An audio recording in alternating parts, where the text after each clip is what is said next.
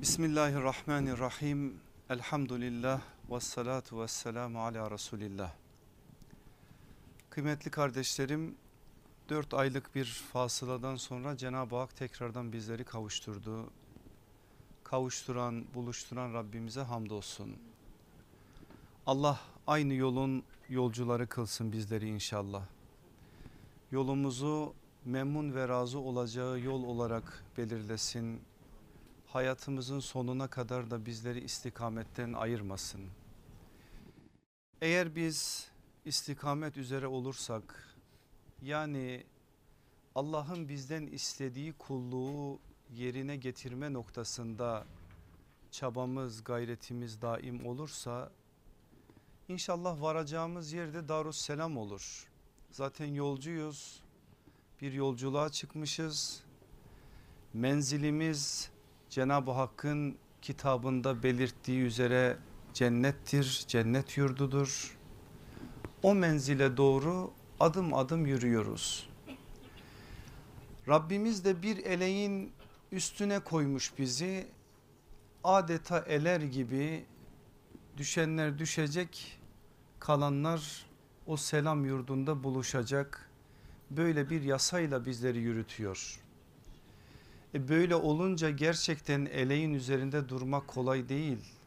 Bu çok büyük bir iştir. O istikamet üzere olma işidir işte ve peygamber saçı ağartan peygamber beli büken bir iştir. Festakim keme umirt o ayet Allah Resulü aleyhissalatü vesselamın saçına ak düşüren ayettir. O ayet geldikten sonra Efendimiz aleyhissalatü vesselam 5 yıl 10 yıl birden yaşlanmıştır. Onu gözleyen gözler ki biz onlara sahabi diyoruz. Ayetin öncesini ve sonrasını çok iyi bildikleri için yaşlandın ya Resulallah diye sorduklarında sebebini Allah Resulü aleyhissalatü vesselam izah ediyor ve o süre Hud suresi onun içerisinde geçen istikamet ayeti beni yaşlandırdı diyor. Biz de o istikamet arzusu hedefi çerçevesinde yürümek zorundayız. Ve hep birbirimize bunu tavsiye etmek zorundayız. Ben dilim döndükçe burada size bunlara anlatmaya, bunları hatırlatmaya çalışıyorum. Ama bunları söylerken kendi nefsimi unutarak söylersem en büyük haksızlığı kendi nefsime yapmış olurum. Onun için bu sözlerin ilk muhatabı bu sözleri söyleyendir. Sonra da bu sözlere siz değer veriyorsunuz, muhatap oluyorsunuz. Bir şeyler konuşuluyor diye buraya geliyorsunuz. İnşallah sizlersiniz. Benim dönemin ilk başında hep talebelere de yaptığım bir duam var. Siz de burada benim yol arkadaşlarımsınız. Sizin de o duanın içerisinde olmanız için o duayı tekrar etmek istiyorum. Allah beni sizlerle sizi de benler, benimle mahcup etmesin. Allah birbirimizin yüzüne bakacak yüzleri bizlere nasip eylesin. O perdelerin açıldığı gün hesap defterlerinin açıldığı gün ne ben sizi oyalamış bir biçimde Rabbimin huzuruna geleyim ne de siz benden şikayetçi olun. Saatimizi zamanımızı harcadı. Bize hakkı anlatacağı yerde batılı anlattı. Hakkı batıla karıştırdı. Nefsini karıştırdı. Farklı şikayetlerle beni o gün şikayet edin ve ben o gün mahcup olan, rezil olan, rüsvay olan bir duruma düşeyim. Allah o duruma bizleri düşürmesin. Kıymetli kardeşlerim 4 aylık fasılanın ardından muhteşem ahlak üst başlığındaki yürüyüşümüze kaldığımız yerden devam edeceğiz. Tabi bu derslerde biz Allah Resulü aleyhissalatü vesselamın kutlu ahlakını öğreniyoruz. Sadece öğrenmekle kalmayıp bunları hayatlara taşıma adına birbirimize sözümüz var. Yeni belki gelen kardeşlerimiz vardır. Onun için bazı şeyleri hatırlatmakta fayda var. Ahlakı muhteşem olan o büyük insanın o insanlığın en güzeli olan sallallahu aleyhi ve sellemin saatlerce günlerce aylarca ahlakını övsek de onu bitiremeyiz.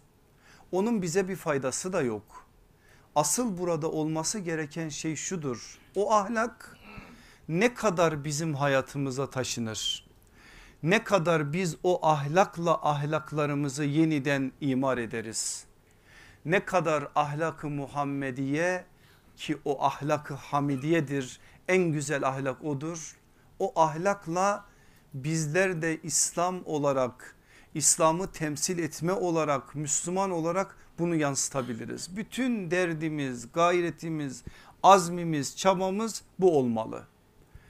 Biz bu sene Kur'an yılı kapsamında aslında önceden başlattığımız ders silsilesini devam edeceğiz. Zaten ahlakı Kur'an bizim konumuzda Allah Resulü aleyhissalatü vesselamın kutlu ahlakı.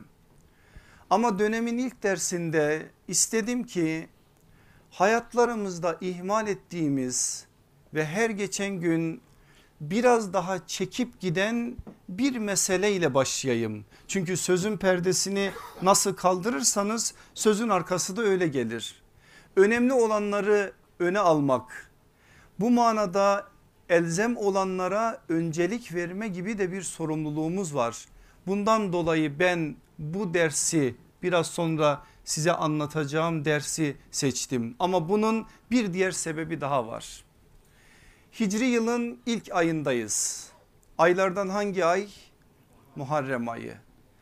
Muharrem ayı olduğu zaman hele günler aşuraya yani 10 Muharrem'e doğru yürüdüğü zaman neyi konuşmalıyız neyi anlamalıyız? Seyyidü şüheda olan Hazreti Hüseyin'i. Tek bir cümleyle Hazreti Hüseyin'i ifade etmek mümkün değildir ama ifade etmeye çalışsak mücadelenin eşsiz kahramanı deriz. deriz. Aslında her Muharrem bir yönüyle mücadeleyi öğrenme adına da bize bir imkandır. Herkesin sustuğu bir yerde konuşan bir peygamber evladından bahsediyoruz. Herkesin korkup sindiği bir zamanda zilleti değil izzeti benimseyen bir peygamber evinin çocuğundan, gencinden, cennet gençlerinin efendisinden, şehitlerin seyyidinden, efendisinden bahsediyoruz. Tarih Muharrem olunca Allah aşkına nasıl Hüseyin, Hazreti Hüseyin anlatılmaz? Nasıl onun mücadelesi gündem edilmez? Madem zaman da gelip o zamana yaslandı o halde yapacağımız şey belli. Konumuz mücadele ahlakı olmalı. Bu çerçeveden bazı meseleleri öğrenmeliyiz. Bir sonraki haftada 11 Muharrem olacak cumartesi günü o günde Hazreti Hüseyin deyip bugünün bir devamı niteliğinde mücadelenin o eşsiz kahramanından mücadeleyi öğrenmeliyiz. Rabbim bu konuda da bizlere yardım etsin. Aziz kardeşlerim bir sıkıntımızı bir problemimizi bir vakıayı sizlerle paylaşmak istiyorum. Ben öyle çok yaşlı değilim yaşlılığa doğru yürüyorum ama öyle geçmişe ait hatıralar falan size çok fazla anlatamam. Ancak 20 yıl öncesini çok iyi hatırlıyorum. 25 yıl öncesini çok çok iyi hatırlıyorum. 43 yaşlarındayım ben de sizin kardeşiniz olarak. 20 yıl öncesinden 15 yıl öncesinden şöyle bir meseleleri hatırlarsak ortaokullu yıllarda liselerde üniversiteli yıllarda bizim gençlerimiz bir acayipti. Biz de o zaman onların içerisindeydik. Abilerimiz hep bizim frenimize basardı. Aman fazla ileri gitme derlerdi. Ne oldu bize bilmiyorum. Şu anda biz gençlerimizin sonuna kadar gazına basıyoruz. Gençlerimizde iş yok. Kusura bakmasın gençlerimiz ama bir vakayı tespit etmek için bunları konuşmak zorundayız. Bakın genç ihtiyar hiçbirimiz insan derdi çekme gibi bir hedef ve gayeyi taşımıyoruz. Haftanın bir günü bir yere derse gitmeyi İslami hizmet olarak yeterli görüyoruz. Ben yaptım diyoruz falanca yere gittim filanca hocayı dinledim. Daha ne yapayım filanca konferansa gittim daha ne yapayım bir de bilgisayar var karşımda falancayı dinliyorum filancayı dinliyorum bunlarla yetiniyoruz. Peki böyle mi olmalıydı? Gerçekten bizden istenen kulluk bu kadarıyla yetinilebilir mi? Aziz kitabımızın önüne oturduğumuz zaman namaz gibi, oruç gibi, zekat gibi, hac gibi koca bir farziyeti ayrım yapmadan kadın erkek herkesin karşısına getiriyor. Emri bil maruf nehy anil münker. İyiliği emretmek, kötülükten nehyetmek. Peki ne oldu bize? Yanımızda bu kadar sıkıntılı işler işlenirken etrafımızda caddemizde sokağımızda okullarımızda medreselerimizde İslami kurumlarımızda şurada burada birçok problemle karşı karşıya gelmemize rağmen bize ne yedirdiler ne içirdiler ki Allah aşkına biz bu kadar tepkisiz olduk. Niye bu kadar neme lazımcıyız biz?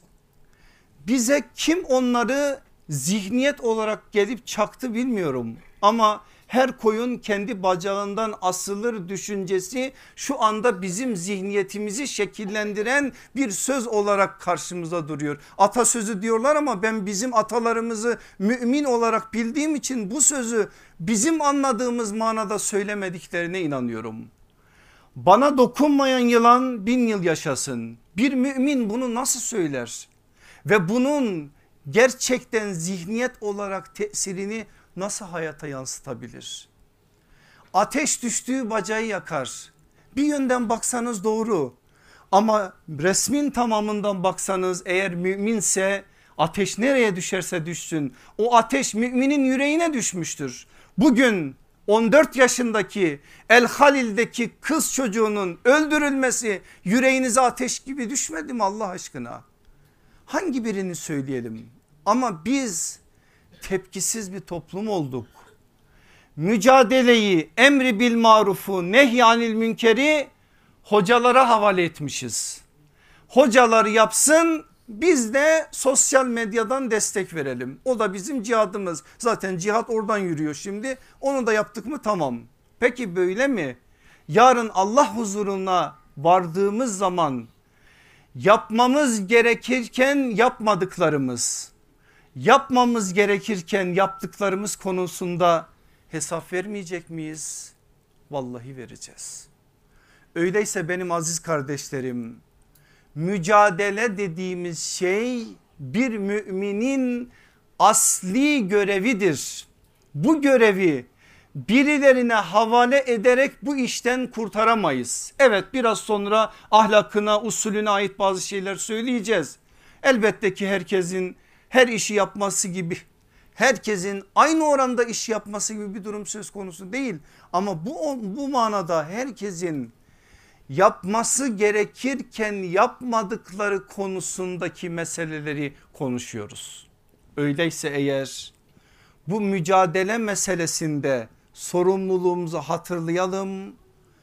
Ahlakı Kur'an olan sallallahu aleyhi ve sellem efendimizin bize söylediklerini tekrardan yeniden hayatımıza taşıma adına gayret içerisinde olalım. Bir Kur'an cemaati olan sahabenin rehberliğinde bu işin usulünü, uslubunu, yöntemini bir kez daha öğrenme adına gayret içerisinde olalım.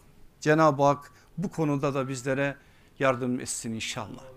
Beş damla hiç bilen var mı neleri söyleyeceğiz aklınızda düşündünüz mü? Bir haftadır arkadaşlar yayınlıyorlar.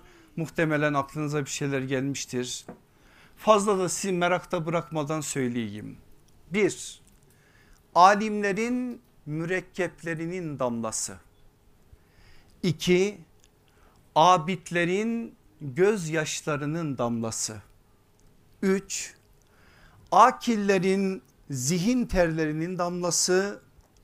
Dört, amillerin alın terlerinin damlası 5 aşıkların bedenlerinin damlası. 5 tane farklı durum 5 tane farklı damla. Alimler abidler, akiller, amiller, aşıklar. Sahabe de beşi bir yerde çok var. Ama biz sahabenin arkasından gelen nesiller şuna razıyız ah bir tanesi olsak. Ben kendim diyorum keşke bu beş sınıftan bir tanesi olabilsem. Ama size şöyle dua ediyorum Allah beşini de sizlerde birleştirsin. Olur mu? Vallahi olur. Çok zor bir şey değil. Olan yapan yapmış. Ama şimdi bir tanesini bile yapamadığımız için bir tanesine bile razıyız. Yine de Cenab-ı Hak küçüklüğümüze, eksiğimize, noksanımıza rağmen azımızı çok saysın da bizi de o kutlu halkanın içerisine dahil eylesin. Gelin birincisinden başlayarak bir anlamaya çalışalım. Neydi birincisi? Alimlerin mürekkeplerinin damlası. Gerçi artık kimsenin divit hokka kullandığı yok. Dolayısıyla mürekkep kullandığı da yok. Ama temel bir kaydı var onu söyleyeyim. Aletler değişir, adetler değişmez. Aletlerin değişmesi ilkeyi değiştirmez. Burada önemli bir ilke var. Burada söylenen şey mürekkebe bir kutsiyet değil. Alimlerin ilim yolunda ortaya koydukları gayretlerdir. Bu çok büyük bir gayrettir. İlim adamlarının, ilim erbabının olmadığı bir toplumda o ilmin yokluğunun o toplumu nereye sürüklediğini en fazla bu toprakların insanları olarak bizler yaşadık.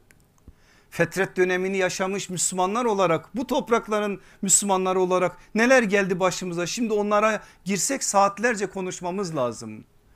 Hal böyle olduğu için alimlerin rehberiyeti örnekliliği her zaman için önemli bir meseledir. Onların ilim adına gayretleri Allah katında değer konusunda kıymet konusunda çok farklı bir noktada durmaktadır. Şimdi bunu söyler söylemez şu rivayeti hemen hatırlamış olmanız lazım. Kıyamet gününde alimlerin mürekkebi ile şehitlerin kanı tartılır. Alimlerin mürekkebi şehitlerin kanından ağır gelir. Suyuti'nin El Camius Sagir'inde İbn Abdilber'in El Cami'il ilimde ve başka kitaplarda da geçen bir rivayet. Ancak bu rivayete muhakkik alimlerimizin itirazı var. Mesela biraz önce kardeşimiz zikretti ismini Hatib el Bağdadi direkt hemen hiç bakmadan uydurmadır der rivayeti kabul etmez. İmam Zerkeşi sözün peygamber sallallahu aleyhi ve selleme nispetini kabul etmez. Bu söz tabiinin meşhur ulemasından Hasan-ı Basri'nindirdir. Zaten İmam Gazali de İhyasında sözü Hasan-ı Basri'den bir söz olarak aktarır. Ama ben bu söze bu rivayete bakarak bu damlayı söylemedim. Direkt böyle olduğuna dair daha güçlü delillerimiz var Kur'an'da ve sünnette. Bakın Kur'an'da ilmin değerini, alimin değerini bize anlatan ayetlere şehitlerle kıyaslanması ayrı bir mesele. Ama alimlerin ortaya koyduğu cehdin, gayretin Allah katında nasıl karşılık bulduğunu görürsünüz. Ya Efendimiz aleyhissalatü vesselamın beyanları onlarca beyan bu konuda bize meselenin ehemmiyetini anlatacak düzeydedir. Onların da ben hepsini anlatacak değilim daha onun dışında anlatacak dört damlam var. Ama size bir Kur'an'dan bir de hadislerden iki tane delil sürmek istiyor, ileri sürmek istiyorum. Ayeti söylemeden önce nüzül ortamına ait bir bilgi vereyim size. Hicretin 9. yılı. Allah Resulü aleyhissalatü vesselam 30 bin kişiyle Tebuk'a doğru yola çıkıyor. Seferi biliyorsunuz zorluk seferi orduyu biliyorsunuz zorluk ordusu. Bu sefer sırasında birçok şey yaşanıyor. Giderken, gelirken, gitmeden önce, geldikten sonra ve ayetler de bu hadiseler üzerine nazil oluyor. Kur'an'ın tek besmelesi süresi olan Tevbe suresi ya da bir diğer ismiyle Bera suresi bazı müfessirlere göre 129 ayeti bir celsede nazil olduğuna dair iddiaları olsa da siyer bütünlüğünde öyle olmadığını anlıyoruz. Mesela ilk 40 ayetinin iki grupta nazil olduğuna dair olan rivayet daha güçlüdür. Allah Resulü aleyhissalatü vesselam gitmeden önce bazı ayetler nazil olmuştur. Sefer yolunda ki o sefer Efendimizin en uzun seferidir 70 küsür gün sürmüştür hatta 80 gün o sefer sırasında ayetler nazil olmuştur. Dönüş yolunda ayetler nazil olmuştur. Olay Medine'de konuşulduğu zaman ayetler nazil olmuştur. Dolayısıyla Tevbe suresi 5 ya da 6 grup halinde nazil olmuştur. Dönüp geliyorlar İslam ordusu biliyorsunuz sıcak çatışma olmuyor ama o cesaret 30 bin kişilik ordunun Bizans üzerine yürümesi Müslümanlara zaten güç itibariyle sanki bir sefer kazandırmış gibi bir eda katmıştır. Yani böyle bir galibiyet konuşuluyor Mekke'de ama sefere katılmayanlar var. Münafıklar var, Müslümanlar var. Münafıklar geliyor Allah Resulü aleyhissalatü vesselama onlarca bahane söylüyorlar. Ne söylüyorlarsa da Efendimiz dinliyor bir şey söylemeyip onları gönderiyor. Müslümanlar geliyor özellikle üç tanesi ki Kur'an'a girmiş onların o halleri. Hiçbir bahanemiz yok diyorlar ya Resulallah. Bizi alıkoyan sadece tembelliğimizdir diyerek hallerini böylece anlatıyorlar. Ve onların o sadık davranışlarının üzerine de ayetler iniyor. Ancak öncesinde ve sonrasında inen ayetler Allah yolunda cihat meselesinin ne kadar önemli olduğunu bir seferden geri kalmanın bir Müslümana neler kaybettireceğini Allah ve Resulünün çağrısına icabet etmeyenlerin dünya ve ahirette nasıl rezilliğe mahkum olacaklarına dair bazı mesajlar Medine'de ayetler çerçevesinden konuşulmaya başlandığı an şöyle bir söz söylüyor sahabilerden bazıları. Vallahi bundan sonra elimizde hangi iş olursa olsun hiçbir iş bizi Allah yolunda seferden alıkoymayacak. Yani biz hangi durumda olursak olalım cihada sefere çıkacağız diyorlar. Kim diyor bunu kimler konuşuyor bilmiyoruz ama bize nakleden Kelbi Kelbi Abdullah İbni Abbas'tan naklediyor. Abdullah İbni Abbas alim bir sahabidir biliyorsunuz. Büyük ihtimalle alim sahabiler konuştular ki o ayet nazil oldu. Ve ayet Tevbe suresinin 122. ayeti olarak nazil olup bu konuda bir iş bölümü yaptı. Ne dedi ayet? Müminlerin hepsinin savaş zamanı toptan sefere çıkmaları gerekmez. Bakın konuşulanların üzerinden Allah konuşuyor ve sözün özünü sözün nihai noktasını söylüyor. Onlardan her kesiminden bir grup din hususunda sağlam bilgi sahibi olmak, dini hükümleri öğrenmek için çalışmalı. Savaştan geri kalanlar, savaşa çıkıp da geri dönenler döndüklerinde onları sakındırmaları ümidiyle onları uyarmalıdır. Peki gitmeyenler dinde derinleşmek için geride kalanlar cihat sevabından mahrum mu kalacaklar?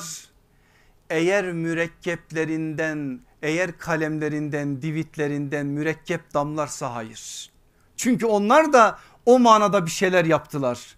Bakın alimlerin mürekkeplerinin damlalarının kutsiyetine ait Kur'an tarafından bize söylenmiş bir mesaj bu. Tabi bunun dışında başka ayetlerde söylenebilir. Neden peki? Çünkü bazen bir kalemin yaptığını binlerce kılıç yapamaz. Bazen bir hatibin yaptığını binlerce asker yapamaz. Delil mi? yüzlerce delil yine ama aklıma İz bin Abdüsselam geliyor. Alim, alimlerin alimi Moğollara karşı mücadele verilecek o savaş meydanında orada bir hitabesi var. O olayı anlatan tarihçilerin ifadesi şudur. İz bin Abdüsselam'ın o gün oradaki hutbesi savaşı etkileyen en önemli unsur oldu. Yani o hutbe atom bombasından daha tesirli oldu. Bir söz ile ordular harekete geçti ve neticesinde öyle güzel bir netice oldu. Bu, bu böyledir bazen sözün yaptığını hiçbir şey yapamaz. İşte alim, alimin ilmin bu manada değerini anlayabileceğimiz ölçüler ve örnekler bunlar. Ya aleyhissalatü vesselam efendimizin bu manada söyledikleri kendisi de bir alim olan ümmetin hakimi Ebu Derda'nın naklettiği bir hadisi ben de size nakledeyim. Diyor ki sallallahu aleyhi ve sellem her kim bir yola girer ve onda ilim isterse Allah onun için cennete giden bir yolu ona kolaylaştırır. Melekler ilim öğrenenlere yaptıklarından hoşlandıkları için onları koruma maksadıyla kanatlarını gererler. Bukhari'den bir hadis naklediyorum size. Göklerde ve yerde olanlar hatta sudaki balıklar bile ilim öğrenen o kimseye Allah'tan yardım ve bağış dilerler. İlim sahibinin abitten yani sadece kendisini ibadete verenden üstünlüğü ayın yıldızlara üstünlüğü gibidir. Alimler peygamberlerin varisleridir. Veraset varmış ortada. Kimin varisleriymiş? Peygamberlerin varisleriymiş. Öyleyse eğer ona göre davranmalı. Tabii ki o verasetin sorumluluğu var. O ayrı bir mesele. Ama şimdi değerini anlatıyor sallallahu aleyhi ve sellem bize. Alimler peygamberlerin varisleridir. Peygamberler ne dinar bırakır ne dirhem. Onların bıraktıkları ancak ilimdir. Şu halde o ilmi alan büyük bir pay almış demektir. Bu hadisin son kısmını kendisi de bir alim olan Ebu Hureyre naklediyor bir gün bir olay üzerine. Olayı biliyorsunuzdur defaatle anlatmışımdır burada size. Medine'nin ilerleyen yılları insanlar mala ticarete biraz fazla dalmış. Şöyle giriyor bakıyor pazara ki durum hiç de hoş değil. Yüksekçe bir yere çıkıyor ve şöyle sesleniyor pazardakilere. Ey ahali diyorlar siz burada mal alıp satıp para kazanmaya çalışıyorsunuz ama peygamberin mirası Mescid-i Nebevi'de dağıtılıyor.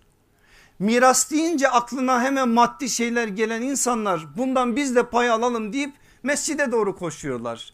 Varıyorlar mescide bakıyorlar ki birkaç halka var. İnsanlar oturmuş orada Kur'an okuyorlar, hadis müzakere ediyorlar gadaplanmış bir biçimde dışarıya çıkıyorlar ve Ebu Hureyre'ye kandırdın bizi diyorlar. Biz miras almak için gittik şunları gördük. Ne bekliyordunuz diyor Ebu Hureyre. Peygamberin bıraktığı ilimdir. Mescid-i Nebevi'de dağıtılan da peygamberin mirasıdır. Onun kutlu sözlerini dağıtmaları onun kutlu sözlerini aktarmaları anlamına gelir. Onun için ben de size bu hakikati hatırlattım der. İşte Ebu Hureyre'nin hatırlattığı hadisin tamamını bize nakleden Ebu Derda radıyallahu anhumanın aktardığı ilmin alimin bu manadaki değerini bize verir. Bu gayret yolunda akıtılan damlaların Allah katında nasıl makbul olduğunu bize gösterir. Dolayısıyla birinci damla dediğimiz zaman bunu anlamalıyız. İkinci damlaya gelin abidlerin gözyaşlarının damlama, damlası. Gözyaşının değer ve kıymetini defaatle duyduk biz. Aleyhissalatü vesselam Efendimizin beyanlarından da çeşitli ayetlerden de. Ne demişti aleyhissalatü vesselam Efendimiz? Gözyaşı Allah'ın rahmetidir. Allah onu sevdiği kulunun göksüne kalbine koyar. O merhametin bir tecellisi. Ne üzerine söylemişti Efendimiz aleyhissalatü vesselam bu sözü oğlu İbrahim vefat edip gözyaşlarına boğulduğu zaman sahabe ya Resulallah ne bu gözyaşları dedikleri an bu sözler Efendimizin mübarek lisanından çıkmıştı. Allah Resulü aleyhissalatü vesselamın 23 yıllık nübüvvet hayatını Allah aşkına şöyle bir zihinlerinizde hatırlayın. Gözyaşı hiç eksilmiş midir Efendimizin hayatında? Hayır ilk gün Hira'da vahye muhatap olduğu zaman gözünde yaş Hatice'sinin göksüne başını koymuştu zemmiluni zemmiluni dedikten sonra 23 yıl sonra Ayşe'nin odasında Ayşe'nin göksüne başını koyarak ilel refikil ala ilel refikil ala diyerek Rabbine yürümüştü. Bir gün yoktur ki sallallahu aleyhi ve sellemin gözündeki o yaş kurumuş olsun. Ve peygamber aleyhissalatü vesselam bu işi müminlerin dünyasına da yansıtmak için eğer benim bildiklerimi bilseydiniz az güler çok ağlardınız demişti. Ve onun nasıl etkisi olsun diye de onlarca beyanda bulunmuştu. Allah'ım demişti bir gün kabul olmayan duadan, doymayan nefisten, galebe çalan borçtan, yaşarmayan gözden sana sığınırım. Gözyaşının olmamasını Allah'a sığınma meselesi olarak görmüştü sallallahu aleyhi ve sellem. Birbirimize söylemeye gerek yok ama herkes nefsine söylesin. En son Allah için ne zaman ağladık benim aziz kardeşlerim? Ne zaman Allah için iki damla gözyaşı döktük? Hadi diyelim ki biz ilimle uğraşamıyoruz. Hadi diyelim ki biz o işi yapacak bir durumumuz yok. Peki Allah için ağlamama adına bile ne bahanemiz olabilir Allah aşkına? Gecenin siyah zülüflerinde geceyi şahit kılarak seccadeyi şahit kılarak bu kadar derdimiz var ümmet olarak bakın. Yarın Allah için bu ümmetin derdini ne kadar paylaşıp paylaşmadığımızın hesabını vereceğiz Rabbimize. Elimizden bir şey gelir gelmez ayrı bir mesele ama iki damla gözyaşı. Onun arkasından açılan eller ve hiç kimse yokken Allah'a ortaya konulmuş yakarış yapamayacağımız iş mi? Bunu yapmaktır işte mücadelenin ahlakı. Aleyhissalatü vesselam Efendimiz yol gösteriyor. Alim değilsen abid ol diyor. İlle de alim olmak zorunda değilsin abid ol diyor. Abid de olmazsan amil ol diyecek biraz sonra. Ama yine yol gösteriyor. Yani senin önüne alan açıyor. Zaten şunu hiçbir zaman unutmayın. Şeriatimiz hiçbir zaman bizim önümüze duvar koymaz. Hep kapılar açar, yollar gösterir. Sen o yollardan yürümeyi bil, yürü ve menzile ulaş der. İşte burada da abidlerin gözyaşları meselesinde söylenen mesaj böyle bir içerik taşıyor. Eğer anlasaydık inanın ağlardık. Ağlayamıyorsak anlamadığımızın işaretidir o. Çünkü anlayan insanın gözüne yaş düşer.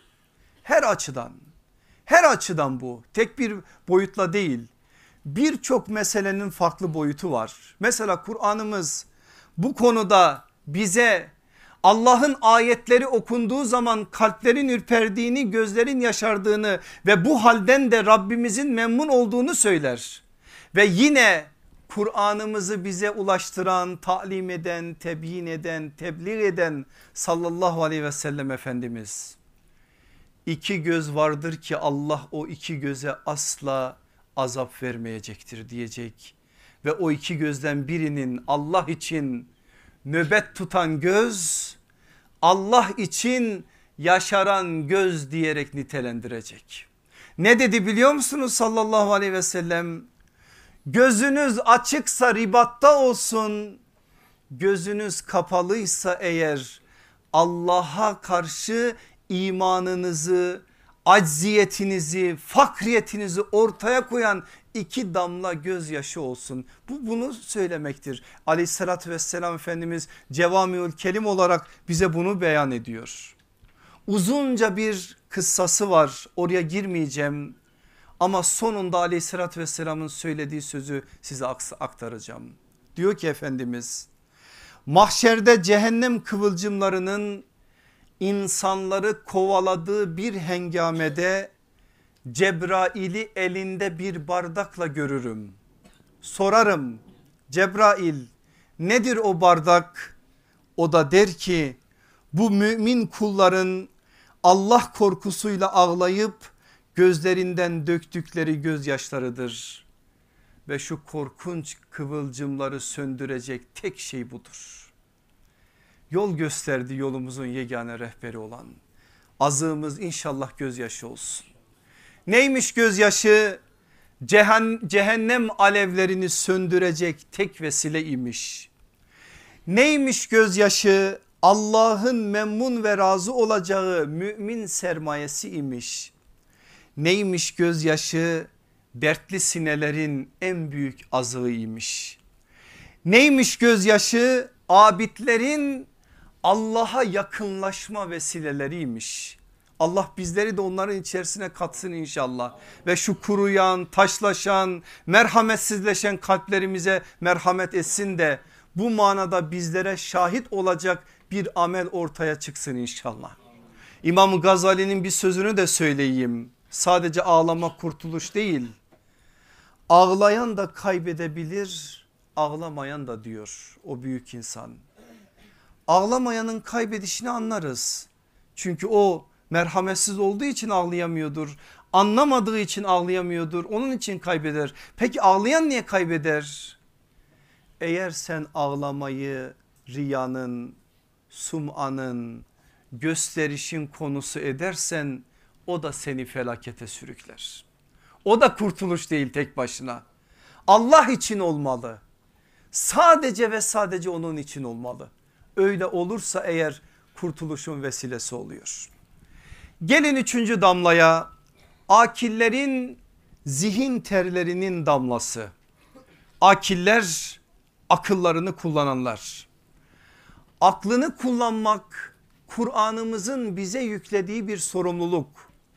Her kitap katibi tarafından birilerine ithaf edilir. İşte biz de bir şeyler karalıyoruz. Bazen de o karaladıklarımızı birilerine ithaf ediyoruz. Yol arkadaşlarımıza, Allah Resulü aleyhissalatü vesselama, mücahitlere, muvahhitlere, bazıları eşime, çocuklarıma deyip ithaf ediyor. Allah da ithaf etmiş kitabını biliyor musunuz? Kime? Aklını kullananlara. Sekiz yerde tefekkür edenlere, yedi yerde aklını kullananlara ithaf edilmiş bir kitap okuyoruz. Peki Kur'an'ımız bunu söylemesine rağmen onlarca ayet akletmiyor musunuz, düşünmüyor musunuz, tefekkür etmiyor musunuz demesine rağmen Allah aşkına bugün Müslümanlar olarak en az yaptığımız şey akletmek değil mi? Düşünmek bizim için çok öyle önemli bir şey değil. Aklı kullanmak, bu konuda gayret göstermek, zihin teri dökmek çok da Müslümanların gündeminde olan bir şey değil. Acı olan tarafı bu. Akletmediğimiz için işte algılar bizi yönlendiriyor. Bakıyorsunuz algılarla insanlar stratejiler üretiyorlar. Önünü arkasını kendi istediği şekliyle dolduruyor. Bir anda sana öyle şeyler söylettiriyor ki dün göklere çıkardığın bir adamı bugün yerin dibine batırıyorsun. Alim dediğine zalim diyorsun, zalim dediğine alim diyorsun, düşmanı dost, dostu düşman biliyorsun. Ve bunu yaparken de doğru yaptığını zannediyorsun. Çünkü düşünmedin, aklını kullanmadın, akletmedin, resmin tamamına bakmadın, ferasetle davranmadın, basiretle davranmadın, algılar üzerinden yürüdün. Hem kendi ocağını batırdın o da yetmez daha da felaketi birçok insanın hakkına girerek Allah'ın huzuruna yürüdün. Yarın Allah'a hesap vereceksin konuştuğun her sözden attığın her tweetten hesap vereceksin Allah'a. Her sözün yazılan yazılmamış her sözün Allah'a hesabı var öyle ki o dehşetli anı anlatıyor Kur'an. Bu nasıl bir kitap diyecek amel defterleri açıldığı zaman büyüğünü de yazmış küçüğünü de. E yazan el hasip olan Allah unutur mu? Büyük de yazılacak orada küçük de. Öyleyse eğer aklını kullanacaksın. Akil olacaksın. Zihin terleyecek. Bazen bazı meseleleri anlamak için saatlerce üzerinde duracaksın. Her konuştuğunu söylemesi kişiye günah olarak yeter diyen peygamberin sesini sedasını unutmayacaksın. Her konuştuğunu her duyduğunu konuşmayacaksın. Tartacaksın, bakacaksın, araştıracaksın. Eğer faydası varsa söyleyeceksin. Faydası yoksa onu içinde saklayacaksın. Böyle yaparsan eğer akil olursun. Zihin terinden orada söz etmiş olursun. O zihin terinin damlaları da inşallah sana mükafat olarak gelir. Allah da o manada ortaya koyduğun gayretten memnun olur. Biraz tenkit edilmiş biraz sonra söyleyeceğim hadisi ama o hadisi de destekleyen başka rivayetler var. Bir saatlik tefekkür bir senelik nafile ibadetten üstündür. Yine İmam Suyuti'nin Cami-i Sagir'inde geçen bir rivayet. İbni Hibban'da 60 sene Beylemi'de 80 sene rakamlar önemli değil peygamberimizin söylediği söz çok açık aslında burada Kur'an'ın bizden istediği tefekkür ibadetinin yapılmasını istiyor. Yani bu konuda bir teşvik var. Ne diyordu Kur'an'ımız Ali İmran suresinin son ayetlerinde? Onlar ayaktayken, otururken, yanları üzerine yatarken bakın üç al söyledi. Kıyamen ve kuuden ve ala cunubihim. Başka hareket yoktur zaten insanın yapacağı. Üç hareket ayakta oturmuş yatmış. Bu üç halde de yani bunun anlamı şu her durumda ne olursa olsun göklerin ve yerin yaratılışı hakkında tefekkür ederler. Allah'ı hatırlarından çıkarmazlar onlar. Onlar üzerinde derin derin düşünürler. En son nedirler? Rabbena ma halakta haza batıle.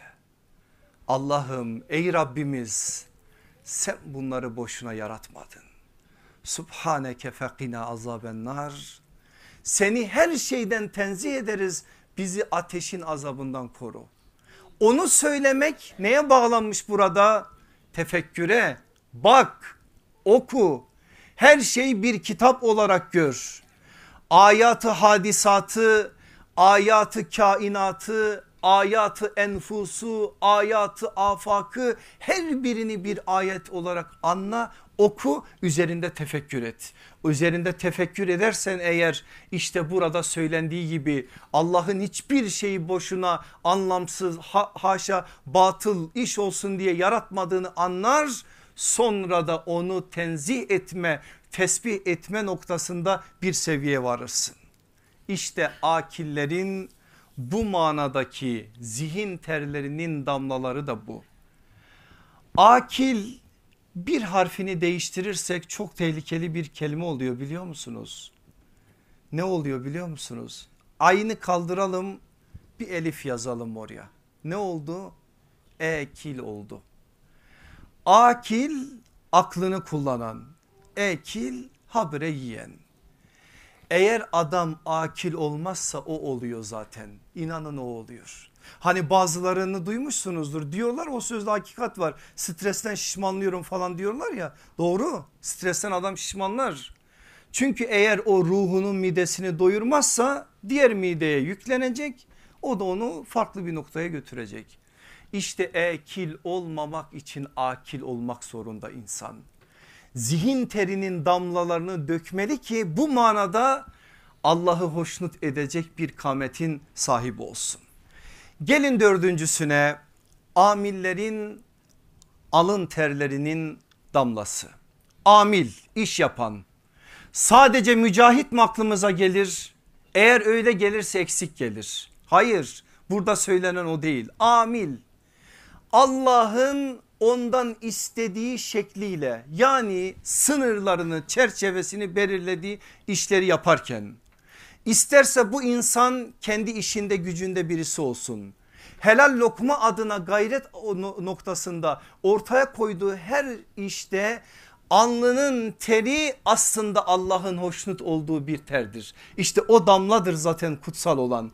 Dolayısıyla burada amil deyince sadece aklınıza bir alan gelmesin. Bir insan diyelim ki bir tüccar gerçekten işinin hakkını vererek o işini bir ibadet bilincinde yaparak Allah'ın kendisine verdiği rızkın zekatını o mali yükümlülük onu verdikten sonra gönülden gelen mali anlamdaki yardımları ki onun adı infaktır onları yaparak bu manada Rabbisini kendisinden memnun edebilir mi? Evet eder. Size kim dedi cennetin yolu bir tane? Cennet bir tane. Cennetin yolu bin tane. Allah o cennetine farklı farklı yollardan insanı alacak. Biri ilimle gelecek, biri ibadetle gelecek, biri ticaretle gelecek. Mesela doktordur. Allah ona öyle bir şey vermiş. Allah'ın kendisine verdiğini Allah'ın istediği gibi harcarsa doktor olarak da cenneti kazanabilir. Kul olarak ibadetlerini yapması ayrı. Bizatihi o mesleği ortaya koyarak da cennet kapılarını zorlayabilir. Mühendisse öyle mühendis, sporcuysa sporcu, sinemacıysa sinemacı daraltmamamız lazım bu manalı çerçeveyi.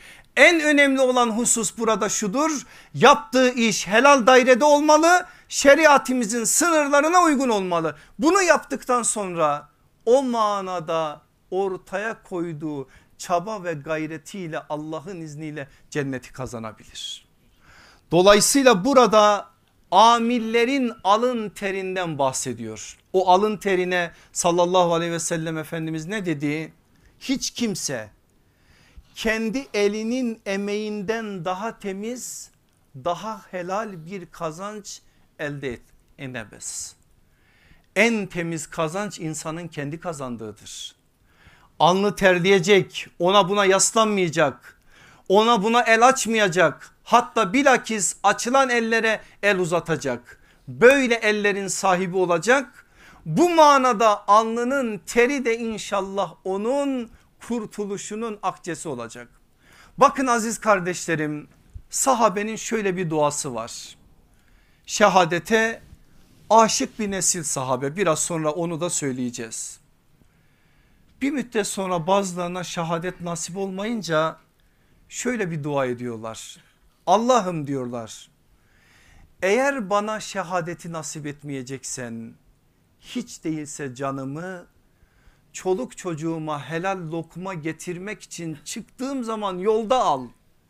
Bakın sahabe konuşuyor Allah aşkına anladınız değil mi duayı? Sahabenin nazarında ya şehadet ya da helal lokma noktasındaki gayret adına yola çıkılmış bir yolda ölümün kendilerine kavuşması. Yani bize yatakta ölüm gelmesin de ya Allah yolunda bir cihat sırasında gelsin ya da helal lokma adına ortaya koyduğumuz bir gayret yolunda gelsin.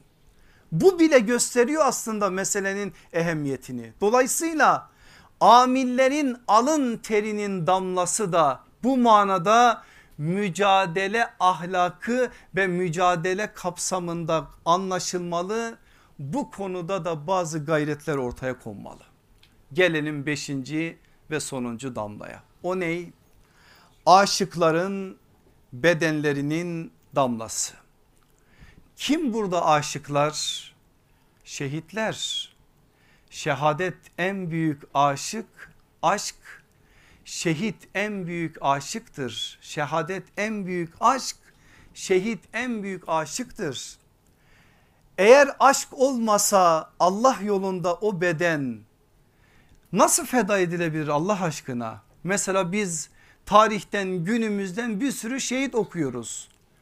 Gençliğinin baharında o insanlar Allah'a o bedenlerini satarlarken Allah'a o bedenlerini verirlerken satma ifadesinin altını çizin onunla birazdan işimiz var. Allah'a o bedenlerini satarlarken hiçbir şeye takılmadan bu konuda büyük bir sevda ile davranmaları ortaya koydukları aşklarının büyüklüğünün en büyük işareti değil mi? Aşk olmasaydı eğer öyle büyük bir kamet ortaya çıkar mıydı? Onun için şehitleri biz aşıklar diye nitelendirdik. Onlar aşık. Neye? Allah bir şey vaat etmiş. Allah yolunda öldürülenlere ölüler demeyin. Onlar rızıklandırılıyorlar. Nasıl rızıklandırılıyorlar? Vallahi bilmiyoruz. Evet aleyhissalatü vesselam Efendimiz bazı şeyleri anlatıyor bize ama anlattığı kadar biliyoruz. Tam olarak bilmiyoruz. Ama bildiğimiz şu var. Yanında biri şehit oluyor sallallahu aleyhi ve sellemin. Efendimiz aleyhissalatü vesselam hayran hayran o insana bakarken birden mübarek başını çeviriyor. Soruyor yanındaki sahabiler dedim ya sahabe demek onu izleyen gözler demektir. Hemen dikkatlerini çekiyor. Ya Resulallah niye çevirdin? Kardeşiniz şehit oldu. Ruhunu Rahman'a teslim ettiği andan itibaren ikramlar başladı. O ikramları ben bakarsam tam anlamıyla alamaz diye yüzümü çevirdim diyor. Bilemiyoruz bu kadar biliyoruz. Allah katında rızıklandırılmaları meselesi böyledir. Başka bir mesele geliyor aklıma başka bir örnek. Cabir bin Abdullah'ın babası Abdullah İbni Amr İbni Haram'ın başından geçen o örneği o misali anlatıyor sallallahu aleyhi ve sellem bize. Uhud'a Uhud'da şehit olmuş Abdullah İbni Amr. Geriye 9 tane kız çocuğu ciddi de bir borç bırakmış. Babasının şehadetinin arkasından Allah Resulü'nün yanına geliyor Cabir bin Abdullah. Ya Resulallah diyor babam biliyorsun şehit oldu böyle böyle bir ortamda durumda beni bıraktı. 9 tane kız kardeş bu kadar borç. Efendimiz bakıyor ki çok üzgün. Cabir diyor babanın ahiretteki durumunu Allah bana gösterdi. Seninle paylaşmamı ister misin? Ya Resulallah nasıl istemem diyor. Allah Resulü aleyhissalatü vesselam konuşmaya başlıyor. O konuşmadaki ifadeleri bana sormayın. İnanın ki ben de bilmiyorum. Ama böyle aynen böyle geçiyor. Allah babanla cennette perdesiz bir biçimde konuştu. Dedi ki ne istiyorsun? Baban dedi ki ya Rabbi şehadet ne kadar güzel bir şeymiş. Ne olur bir daha dirilt beni. Bir daha beni dünyaya gönder. Bir daha gideyim senin adına ve senin namına cihat edeyim. Öleyim geleyim. Bir daha gönder ve bu hal defaatle devam etsin. Diyor ki sözün devamında bu söze karşı Rabbin babana dedi ki hayır kalemler kırıldı defterler dürüldü. Artık bir daha dünyaya dönüş yok. Peki ya Rabbi diyor baban demiş baban bu halimi bildir bari arkada kalanlara. Bunun üzerine Ali İmran suresinin 189. ayeti iniyor.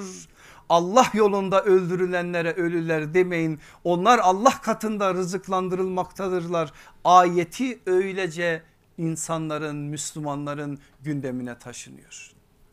Şehadet böyle. Aşıkların bedenlerinden akıttıkları kan damlaları böyle.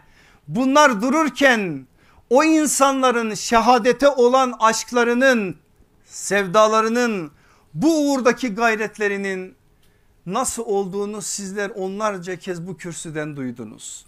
İşte benim aziz kardeşlerim aşıkların bedenlerinden akıttıkları damla da bu. Beş damla mücadelenin beş farklı alanı. Çok şey söylenir zaman da geçiyor ben fazlaca yormayayım ilk dersten sizi. Bu söylediklerimin üzerinden bir değerlendirme vermek istiyorum size. Beş madde vermeyeceğim bu sefer dört madde vereceğim. Dört maddede ne almalıyız? Mücadelenin ahlakına da yöntemine de yoluna da bizim dünyamıza taşıma noktasındaki bazı ilkeleri tam anlamıyla netleştirme adına da. Bir, herkes her işi yapamaz ama herkesin yapacağı bir iş vardır.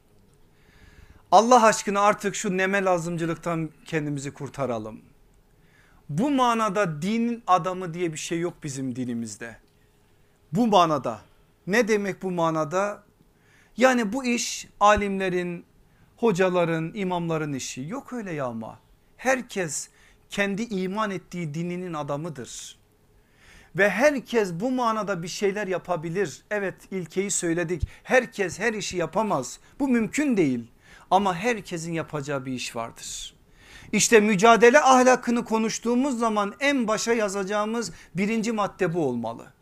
İki, her dönem aynı iş yapılmaz ama her dönemin bir işi vardır. Tekrar ediyorum çok önemli bir madde düşünmeniz için de size emanet ediyorum. Akil olarak sizlere üzerinde zihin teri dökmeniz için emanet ediyorum. Her dönem aynı iş yapılmaz ama her dönemin bir işi vardır. Bir küçük örnek vereyim.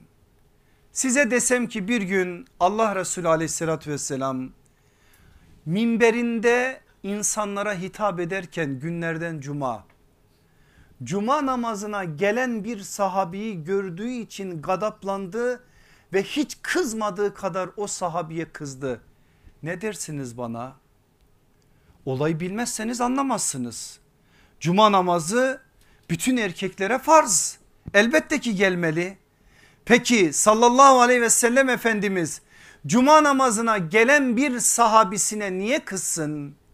O sahabisi Abdullah İbni Revaha o gün sabahında sallallahu aleyhi ve sellem şöyle bir şey demiş. Abdullah demiş gidin ordugah olarak kullanılan Curuf diye mıntıkada beni bekleyin ben cuma namazını kılıp geleceğim. Gidin diyor.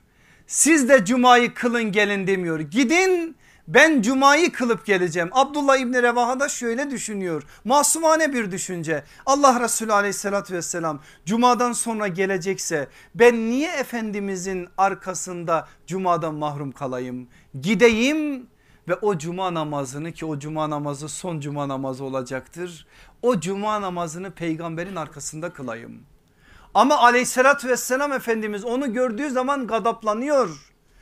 Alnındaki o mübarek damar şişiyor biliyorsunuz o gadabın işaretidir. Kıpkırmızı kesiliyor. Sen benim söylediğimi niye yapmadın Abdullah diyerek onu sorguluyor. Ne diyor sallallahu aleyhi ve sellem? Doğru işi doğru zamanda yap diyor. Ümmetin namusu kirletilirken, namuslara el uzatılırken, dil uzatılırken, evler, haneler yıkılır, yıkılınırken, elimizden neslimiz kayıp giderken, her geçen gün çoluk çocuğumuz namazdan, imandan, tesettürden mahrum kalırken, sen ne atla televizyonlarda, meydanlarda bir incir çekirdeğini doldurmayacak meseleyi anlatırsın Müslümanlara. İşte budur doğru işin doğru zamanda yapılmaması. Bu çok önemli bir şeydir. Zamanı, enerjiyi, heyecanı israf etme hakkımız yok bizlerin. Hiçbirimizin yok. Yapılan işin doğru olması yetmez. Doğru zamanda olması da gerekir. Aslında sallallahu aleyhi ve sellem Efendimiz biraz önce kısmen benim size anlattığım belki her bir damlayı bir ders olarak işlememiz gerekirdi orada söylediğim söyleyemediğim meseleler çerçevesinde böyle temel bir ilkeyi de bizim nazarlarımıza verdi. Üçüncüsü herkes aynı kabiliyette değildir ama herkesin kendine özgü bir kabiliyeti vardır. Tekrar ediyorum herkes aynı kabiliyette değildir ama herkesin kendine özgü bir kabiliyeti vardır. Kaç insanız şurada? Yaklaşık 300. 300 insan kardeş olanlar da var. Mesela benim de kardeşim var bir tane burada. Biz asla birbirimizin aynısı değiliz. Aynı babadan aynı anneden olmaya olmamıza rağmen kardeş kardeşe benzemiyorsa bu kadar farklı farklı insanların aynı kabiliyetlerde olması mümkün müdür? Değil. Onda olan sende yok sende olan onda yok. İşte bunlar zaten bir potada toplandığı zaman kolektif şuur budur. İstişare de bunun için yapılır zaten. Bir potada toplandığı zaman işe yarar. Burada bizden bizde bize söylenen nedir? Benim kabiliyetim yok deme. Bunu söylersen eğer nankörsün. Allah hiçbir insanı kabiliyetsiz yaratmamıştır. Her insanın bir kabiliyeti vardır. Ne vermişse sana o verdiğini Allah yoluna harca. Ne verdiyse sana verenin yolunda onu tüket. Orada tüketirsen o tükenmiyor işte. Tükenmez oluyor. Çünkü Allah ona bereket ihsan ediyor. İşte burada bize verilen üçüncü ilkede böyle temel bir ilke var. Öyleyse eğer bir iş yapılacağı zaman her insanın eli o işte olabilir ve her insan yaptığı her işten sevap alabilir. Anlayabilmeniz için bir örnek vereyim size. Şimdi ben konuşuyorum bir şeyler söylüyorum. İnşallah Allah için yapıyorumdur. Bunun ecrini mükafatını alacağım. Siz de dinliyorsunuz. İnşallah Allah için dinliyorsunuz. Siz de alacaksınız. Ama bugün şu hizmetin size ulaşması için gördüğünüz görmediğiniz onlarca insan var. Yukarıda size çay veren amcamız da dayımız da alacak. Onun işi o. Allah ona o kabiliyeti vermiş onu yaparak alacak. Bakın kameraman arkadaşlarımız var onların işi o onlar yapacak onlar alacak. Bizim birbirimizin işine gözümüzü dikmemize gerek yok. Allah bize neyi vermişse onu Allah yolunda kullanalım budur mesele. Birbirimizin gözüne işine gözümüzü diktiğimiz zaman problem oluyor. Bakıyorsun herkes her işi yapmaya çalışıyor olmaz herkes her işi yapması doğru değil olamaz da olmamıştır da. Tarihte bir tane çıktı İmam-ı Azam o tarihte ikinci bir İmam-ı Azam'dan bahsediyor musunuz? Ona Allah lütfetti o çıktı ama yüzlerce insan da onun söyledikleriyle cennete taşındı.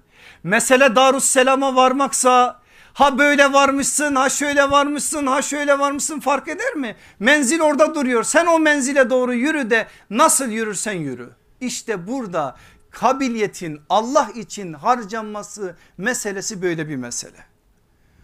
Dördüncüsü herkesin kapasitesi eşit değildir. Ama herkesin kapasitesini son sınırına kadar kullanma sorumluluğu vardır. Tekrar ediyorum bunu da. Herkesin kapasitesi eşit değildir ama herkesin kapasitesini son sınırına kadar kullanma sorumluluğu vardır. Yani ne vermişse öyle ucundan tutarak onu verme.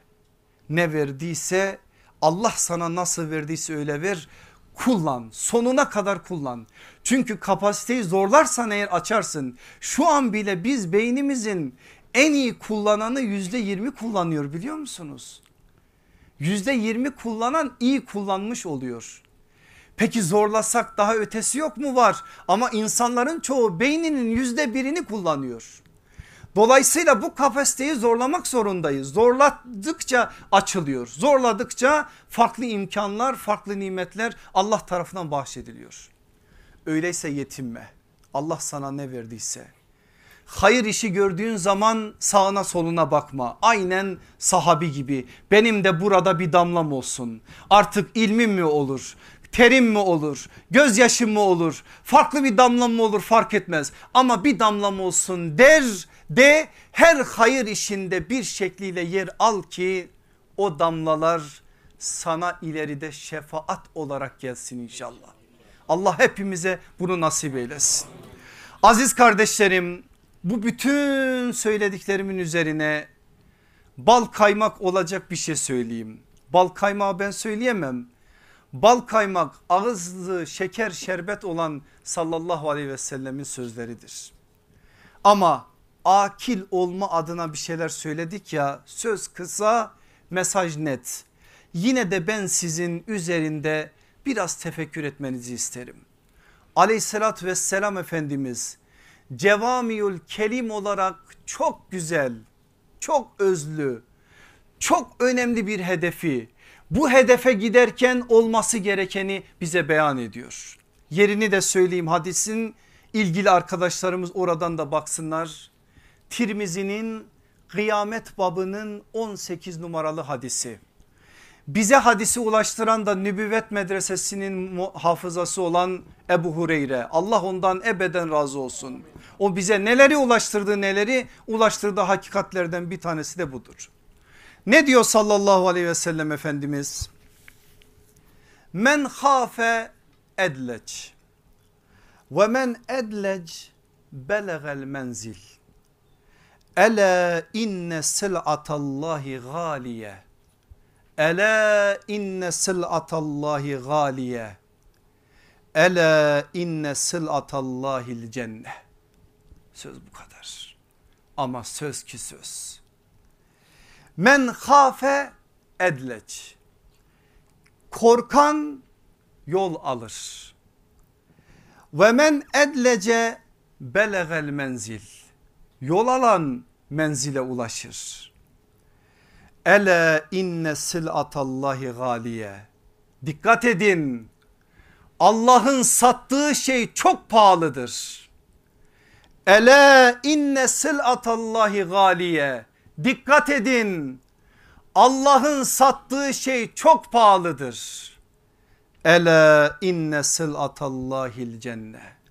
Allah'ın sattığı şey cennettir.